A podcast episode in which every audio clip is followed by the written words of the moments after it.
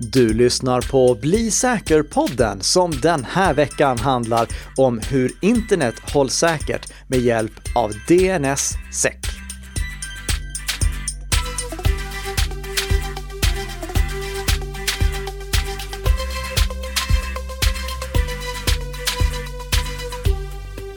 Ja, god morgon, god morgon och välkommen till Bli säker-podden som den här veckan har ett eh, synnerligen intressant huvudämne om jag får säga det själv. Jag som pratar är Nicka och eh, Tess är inte med mig i studion här idag, utan jag ska istället alldeles strax ringa upp Ann-Marie Eklund Lövinder, säkerhetschef på Internetstiftelsen. Ni vet de som ansvarar för .se-toppdomänen. Hon kommer förklara för oss vad DNSSEC är för någonting och hur det hjälper till att hålla internet säkert. Varför Ann-Marie är rätt person att förklara det, det kommer framgå med all tydlighet när vi kommer in på veckans huvudämne i Bli säker-podden som produceras i samarbete mellan Nika Systems och Bredband2. Men innan vi gör det så är det som så vanligt dags för veckans snabbisar. Veckans första nyhet berör NASen Western Digital MyBook Live, alltså en nätverkslagringsenhet eller extern hårddisk ansluten till nätverket. Flera ägare av sådana NAS-enheter vaknade nämligen upp till en obehaglig överraskning på midsommar. De upptäckte att deras NASar hade blivit återställda och alla deras filer var som bortblåsta. Anledningen till detta, det var att angripare hade hittat sårbarheter i NASarnas mjukvaror som gjorde att om fjärråtkomst var aktiverat i NASarna, då kunde angriparna skicka återställningskommandon till de här NAS-enheterna så att de gick tillbaka till fabriksåterställningar. Och om ni tycker att det här låter bekant som någonting vi pratade om väldigt nyligen så är det för att det var bara några veckor sedan vi pratade om problemen med QNAPs NASar. Då handlade det om eh, klassisk utpressningskryptering och det är inte riktigt samma sak i Western Digital-fallet här, för här var det alltså inte utpressningskryptering där angripare ville tjäna pengar, utan bara ren filradering från någon som ville förstöra för användare. Western Digital gick ut med en uppmaning på sin eh, webbplats och skrev så här, citat på engelska. At this time, we recommend you to disconnect your MyBook Live and MyBook Live Duo from the internet to protect your data on the device. Slut citat. De rekommenderade alltså inte användarna att installera den senaste versionen av mjukvaran och det av det enkla skälet att det inte fanns någon ny mjukvara att installera. De här NASarna började säljas 2011 respektive 2012 och eh, Western Digital slutade underhålla dem redan 2015. Det är smått obegripligt kort underhållstid. 2018 upptäcktes den första sårbarheten som är relaterad till den här incidenten, men eftersom eh, Western Digital hade slutat underhålla NASarna så släppte de ingen uppdatering som åtgärdade bristen trots att de visste att den fanns. Ja, som åtminstone ett litet plåster på såret så har Western Digital nu i veckan meddelat att eh, de kommer erbjuda drabbade användare en eh, dataåterskapningstjänst för att kanske kunna få tillbaka några av filerna som fanns på hårddisken. För som vi har pratat om i tidigare avsnitt så försvinner inte alla spår av filer bara för att de raderas eller ens för att hårddisken formateras. Datan finns där fortfarande fram tills dess att den delen av hårddisken skrivs över. Om inte datan har legat krypterad där. Men eh, det finns alltså en liten chans för användarna att få tillbaka sina filer. I en kommentar till Ars Technica meddelar också Western Digital att de kommer erbjuda den här tjänsten utan kostnad. Och det får jag väl säga att är det minsta de kan göra efter att ha struntat i att underhålla NASarna och därmed utsatt användare för den här typen av attack. Som en påminnelse till alla så vill jag då också passa på att poängtera att eh, se till att ha backup på flera ställen och om en nätverksansluten produkt inte längre får säkerhetsuppdateringar, då måste den tyvärr tas ur bruk eller åtminstone isoleras helt och hållet från internet. Ifall produkttillverkaren inte försåg produkten med säkerhetsuppdateringar så länge som du tyckte att produkttillverkaren skulle göra det, så är det bästa du kan göra att rösta med plånboken och framöver välja produkter från en annan tillverkare.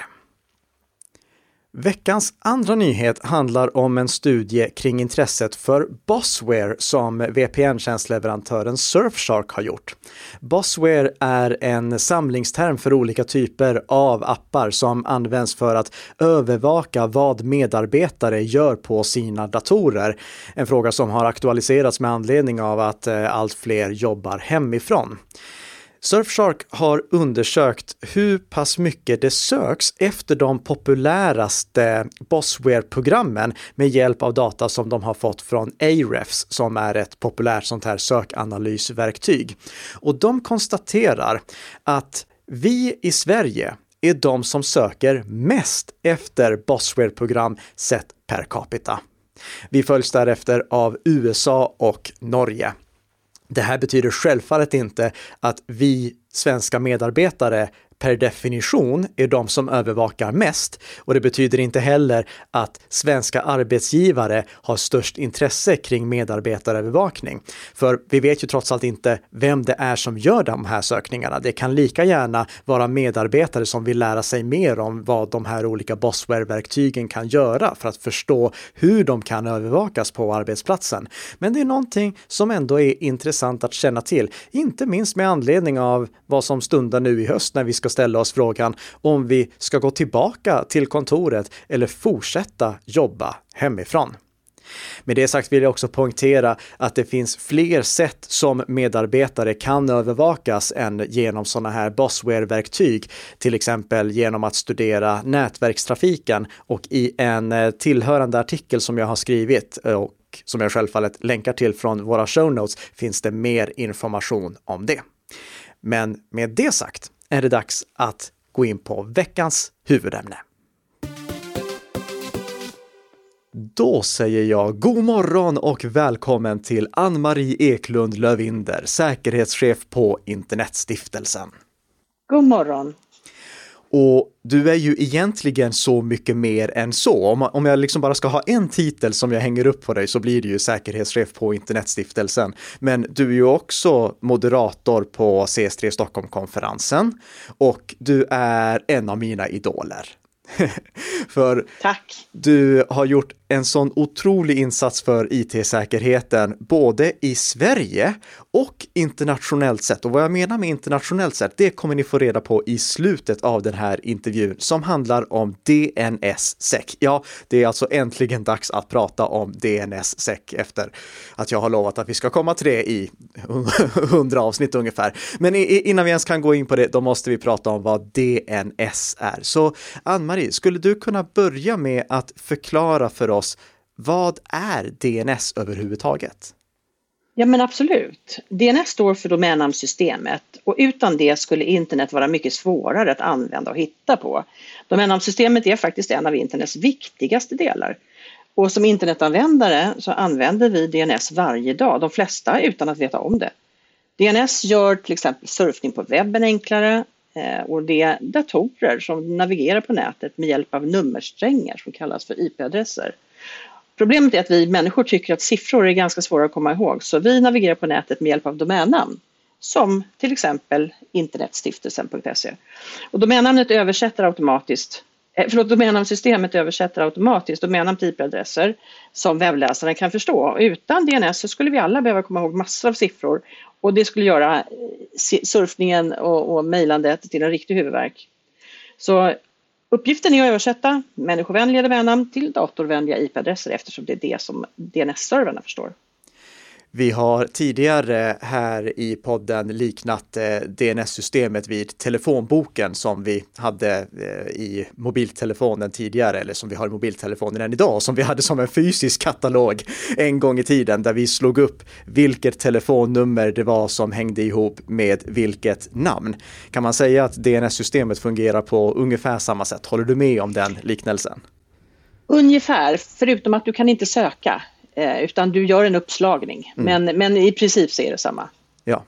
Och för att vi sen ska förstå hur pass viktigt DNSSEC är, då måste jag också fråga dig, hur vet min dator var den ska slå upp vilken eh, IP-adress som hänger ihop med ett specifikt domännamn? Mm. Och det här är ju, det är ju då, domännamnsystemet är ju en av världens största distribuerade databaser och den är byggd i nivåer och högst upp finns någonting som kallas för rotzonen som håller ihop information om nästa nivå som är alla toppdomäner som finns i världen, till exempel .se eller .com.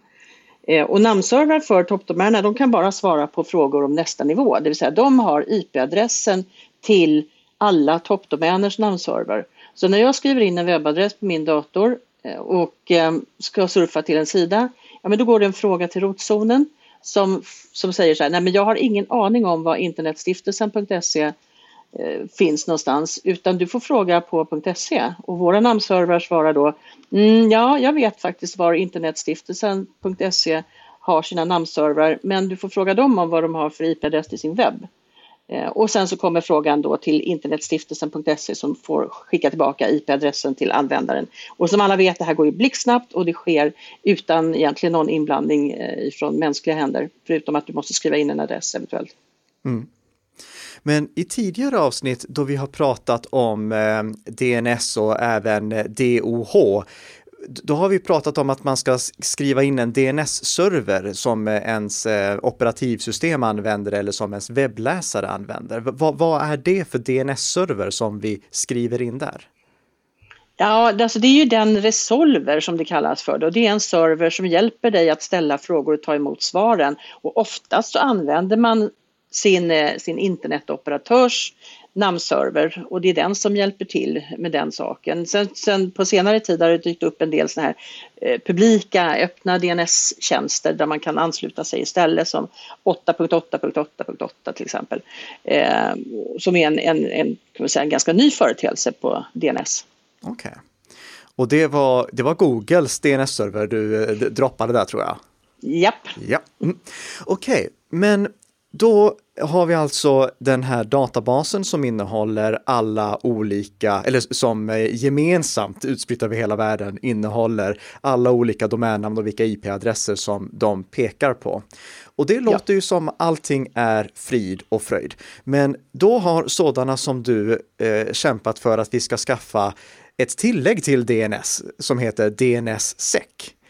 Vad mm. är poängen med det och varför behövs det? Det här låter ju som att det är ett självspelande piano. Jo, och det är det ju naturligtvis, men när man hittade på DNS någon gång i slutet på 80-talet så var det ju ingen som hade en internetanslutning hemma. Det var inte så att gemene man satt och surfade på dagarna utan det här var en företeelse som fanns i den akademiska världen i huvudsak eh, och där alla kände varandra nästan vid namn eller åtminstone vilket universitet man hörde hemma på. Så det fanns liksom ingen ingen risk här för att någon skulle försöka göra något tokigt. Men redan 1990 så konstaterade Steve Bellowin som var en säkerhetsforskare att det finns sårbarheter i DNS, att det var möjligt att ändra på svaret innan det nådde mottagaren så att mottagaren hamnade någon annanstans än de ville. Eh, och det utan att mottagaren kunde uppmärksamma det. Det här lyckades man hålla hemligt i några år men 1994 så läckte den eh, hemligheten ut och då började man ganska omgående att titta på ja, men hur, hur ska vi göra DNS säkrare? För att all trafik går i klartext. Och det är möjligt för någon att stoppa in ett falskt svar eh, som hamnar hos mottagaren och därmed så, så, får mottagaren felaktig information och hamnar på fel ställe eller ännu värre, mejlen kan bli avtappad på vägen och vidareskickad till rätt IP-adress men, men då har man liksom blivit avlyssnad på vägen. Mm. Och det här växte, problemet växte ju också i och med att, att internet kom att bli eh, allmänhetens egendom och någonting som alla har och alla använder. För med Alltså samhället ser ut som det gör och även på nätet ser samhället ut som samhället gör gör på riktigt. Och det finns en del skurkar och det finns en del illvilliga människor och de kommer ju snabbt underfund med att det här kan man ju utnyttja förstås. Eh, och då var det så att man var tvungen att hitta på någonting. Så 99 drev jag mitt första DNSSEC-projekt tillsammans med en väldig massa kunniga tekniker. Det här pågick också inom IETF som heter Internet Engineering Task Force och som är internets standardiseringsorganisation skulle man kunna kalla det för. Mm. Eh, och där började man ta fram då ett sätt att skydda de här svaren. Och det enda som man kan ha egentligen för att skydda information som kommuniceras på nätet, det är någon form av kryptering, alltså användning av kryptering. Men man krypterar inte innehållet så att det blir oläsligt utan vad man gör är att man signerar innehållet så att man märker om någon har varit och pillat på det på vägen.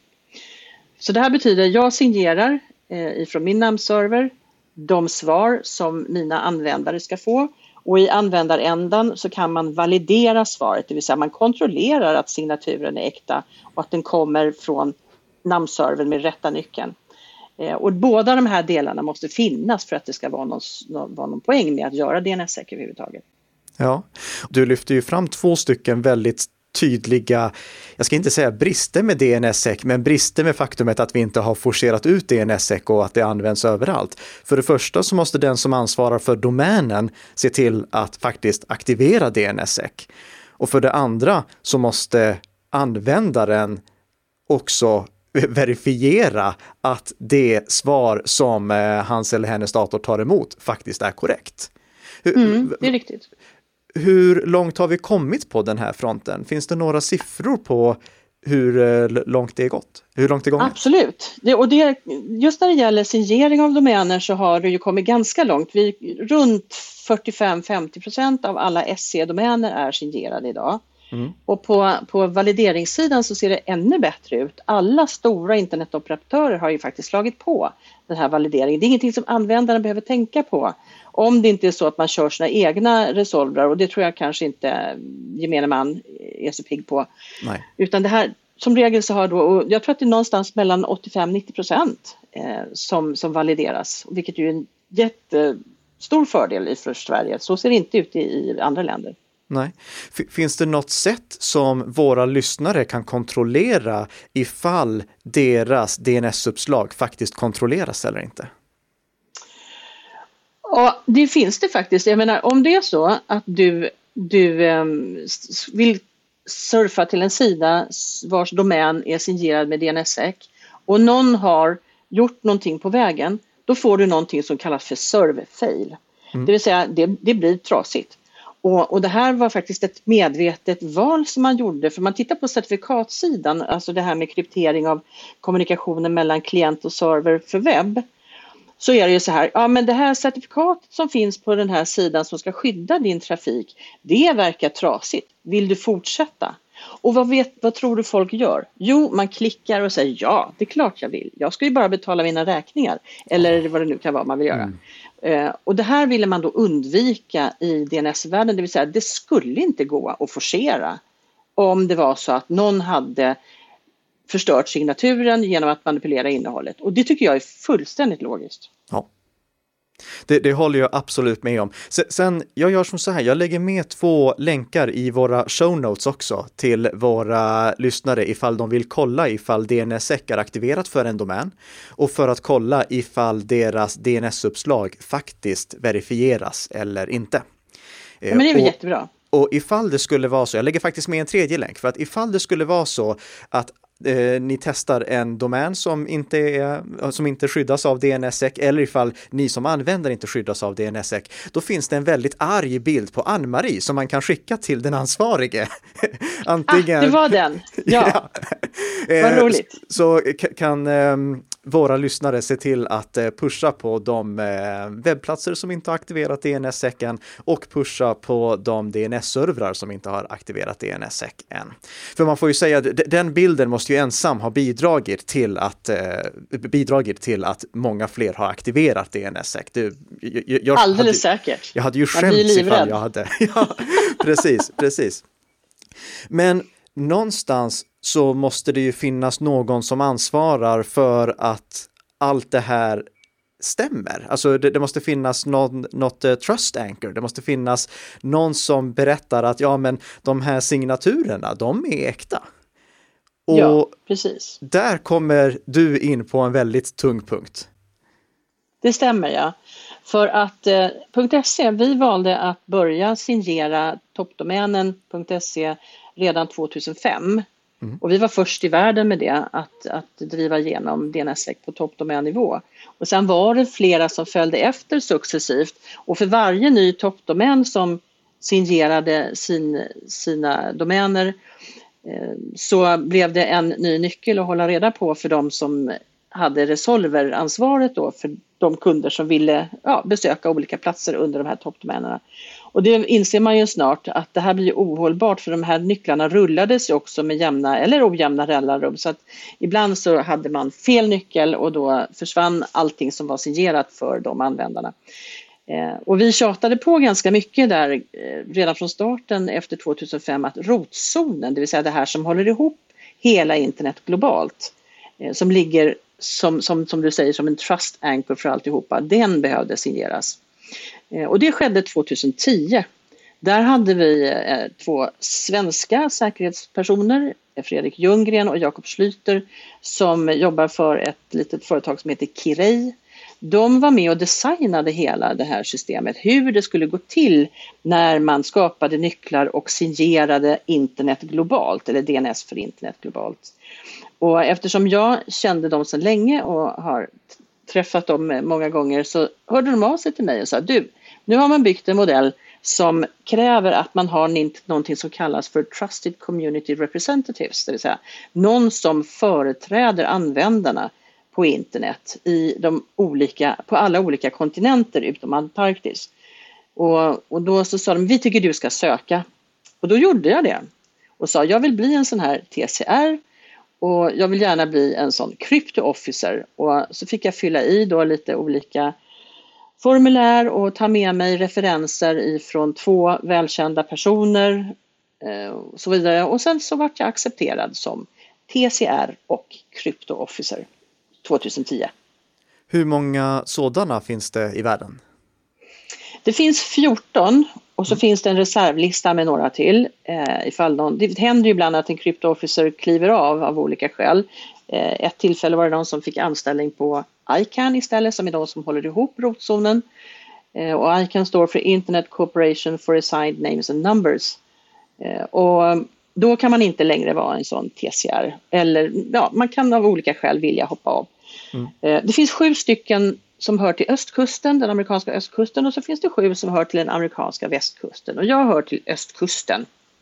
Så det är två team och man alternerar eh, de här, det finns datacenter där de här nyckelceremonierna sker och man alternerar då mellan västkusten och östkusten. Ja, det, eh, eh, jag har inte ännu förstått liksom, vad är det som ni egentligen gör och nyckelceremonier. Är det som när jag och Pontus i avsnittet om PGP sitter och utbyter PGP-nycklar med varandra? Eller vad, vad är det för någonting? Ja, inte riktigt samma kanske, utan för här handlar det om att det finns någonting som heter HSM, en Hardware Security Module, som är en kryptomaskin som innehåller den privata nyckeln för hela rotzonen. Och den här kryptomaskinen den är offline förstås, den är inte ansluten till någonting men den kan man använda, eller den använder man för att en gång i kvartalet signera nästa nivå av nycklar, det vill säga zonsigneringsnycklar. Så man har nyckelsigneringsnycklar som används för att signera zonsigneringsnycklar som används för att signera zonfilen, det som innehåller alla domännamn. Mm. Eh, så det här det här som händer då i en nyckelceremoni det är att vi är på plats där för att vara garanter för att allting sker korrekt och utan problem och på ett sätt som följer de rutiner som man har. Eh, så det, det är liksom den viktigaste rollen egentligen i sammanhanget. Det tillsammans med att ha tillgång till smarta kort som finns inlåsta ska säga, på de här datacentren så finns korten inlåsta. Så den här nyckeln som folk brukar prata om jag har till internet, det är en vanlig fysisk nyckel som går till ett värdeskåp som finns i ett, i ett säkerhetsskåp, som finns i en bur, som finns i ett ceremonirum, som finns i ett datacenter i Culpeper, Virginia. Eh, så det är lite rysk gumma över hela den här modellen. Ja, det, det, det, låter inte som att det är jättelätt att bryta sig in där i alla fall. det skulle jag kunna säga att det är det inte, nej. Det är inte lätt att komma in där överhuvudtaget. Man måste vara föranmäld och man måste vara eskorterad. Ja. Men vad händer ifall ni som bär på de här nycklarna inte kan träffas? Låt oss säga att eh, pandemin hade blivit ännu värre, ni kan inte träffas. Va vad händer då ifall ett sånt här möte inte blir av? Kommer då DNS-SECA sluta funka i hela världen? Nej, då har man någonting som kallas för kontinuitetsplan. Eh, vilket betyder att man har löst det här på ett annat sätt. Och vad det innebär det är att några av de här TCR eller kryptoofficerarna har med bud och i förslutna eh, och förseglade påsar skickat över sina nycklar till betrodda personer på andra sidan Atlanten eh, som har då kunnat delta vid ceremonin och som, som någon typ av vad man kallar för befullmäktigat ombud. Eh, och så har man då också samtidigt streamat via en särskild kanal så att de kryptoofficerarna som då har lämnat ifrån sig sina nycklar kan följa allt ifrån när det här kuvertet öppnas till när nyckeln används och till när den lämnas, läggs tillbaks igen i förslutna och förseglade kuvert. Så där, man har haft en avbrottsplan. Det finns an, en annan situation också som skulle kunna göra det här ännu värre. Det, det är ju om man inte skulle kunna åka till USA alls och det inte skulle finnas någon i USA som skulle kunna göra det här, eller man skulle behöva bootstrappa hela systemet. Då finns mm. det ett, ett, annat gäng eh, med en annan roll och de heter Key Recovery Shareholders. Och de har var och en ett smart kort som innehåller en del av den nyckel som används för att kryptera en säkerhetskopia av KSK. Eh, och de här vad, sju vad, var nu KSK? Jag glömde det. Det var nyckelsigneringsnyckeln. Det är liksom det är hem, den, den, största hemligheten som finns på nätet skulle jag säga. Ja. Och, och, den får ju absolut inte bli röjd under några omständigheter. Eh, men om det skulle vara så att man behöver dra igång det här någon annanstans ifrån, ja men då finns den möjligheten genom att man kallar på fem av de här sju, för det måste vara fem närvarande av Key Recovery Shareholders för att kunna eh, återskapa nyckeln, bootstrappa en ny sån här kryptomaskin, alltså om, starta om systemet med en helt fräsch kryptomaskin och göra det någon annanstans ifrån än USA. Mm. Så man har nog, jag skulle säga så här, man har tänkt på det är både svångrem och hängslen och snören och klädnyper och gummisnoddar, alltså allt är så genomtänkt. Ja. Och jag tror också att eh, många av våra lyssnare nu har tappat hakan när de förstår vad det egentligen är som sker för att vi ska vara säkra på att när vi skriver internetstiftelsen.se eller nickasystems.com i adressfältet, att vi då faktiskt hamnar på servern vars IP-adress det domännamnet pekar på. Det är, det är inte ja. bara en eh, simpel telefonkatalog som Eniro trycker upp en gång om året och delar nej, ut till alla. Bra. Nej, det är fascinerande. Man kan, ni vet också att man kan följa det här eh, det streamas i realtid om man är jätteintresserad av att följa. Alla filmer läggs också upp publikt för hela den här, hela den här eh, ceremonin syftar ju till att bygga tillit, att folk ska mm. lita på att det går rätt till. Och då är man otroligt transparent och öppen och även de här skripten som vi följer, alltså manus för varje enskilt steg som ska gås igenom. Eh, de ligger också där på, på eh, webbsidan som man kan titta på så att det, ja, det, kan jag rekommendera. det är lite spännande om man tycker att det är kul. Det finns en kortfilm ja. också på Internetmuseum om man vill ha snabbversionen. Ja. Jag lägger med en länk till det i våra show notes också. Eh, varför har ni inte eh, speciella hattar på er bara när, när ni gör det här? det, det, känns som att det, det, borde hänga ihop. Peruk och hattar borde vara. Ja, lite så här Slytherin-hattar. Ja, alltså jag ska säga så här, i ärlighetens namn, när vi började 2010 du vet ju hur tekniker ibland har en tendens att, att klä sig som tekniker gör. Mm. Inte kanske det flottaste. Alltså jag, ska inte, jag, jag gillar nördar, jag tycker mm. verkligen att det är underbart. Men det är skumma t-shirts, sandaler och shorts. Och då, så jag kom ju då ifrån eh, ett tidigare liv på IT-kommissionen och också på Statskontoret där jag var kontrollant för till exempel dragning av Penninglotteriet och miljonkontolotteriet, sådana här saker. Och då hade man med banker att göra, de var allt annat än illa klädda, så de, det var slips och kostym liksom. Mm. Så jag började med där vid 2010, så här, men vi måste nog ha någon sorts dresscode i alla fall. Eh, och så därför så har också de flesta nu klätt upp sig lite grann, åtminstone ja. de som är ceremonimästare och, in, och vittne och intern revisor. De har oftast kavaj och eh, slips. Mm. Jaha, se där, det, då var det inte bara ett dumt skämt som jag la in där. Nej.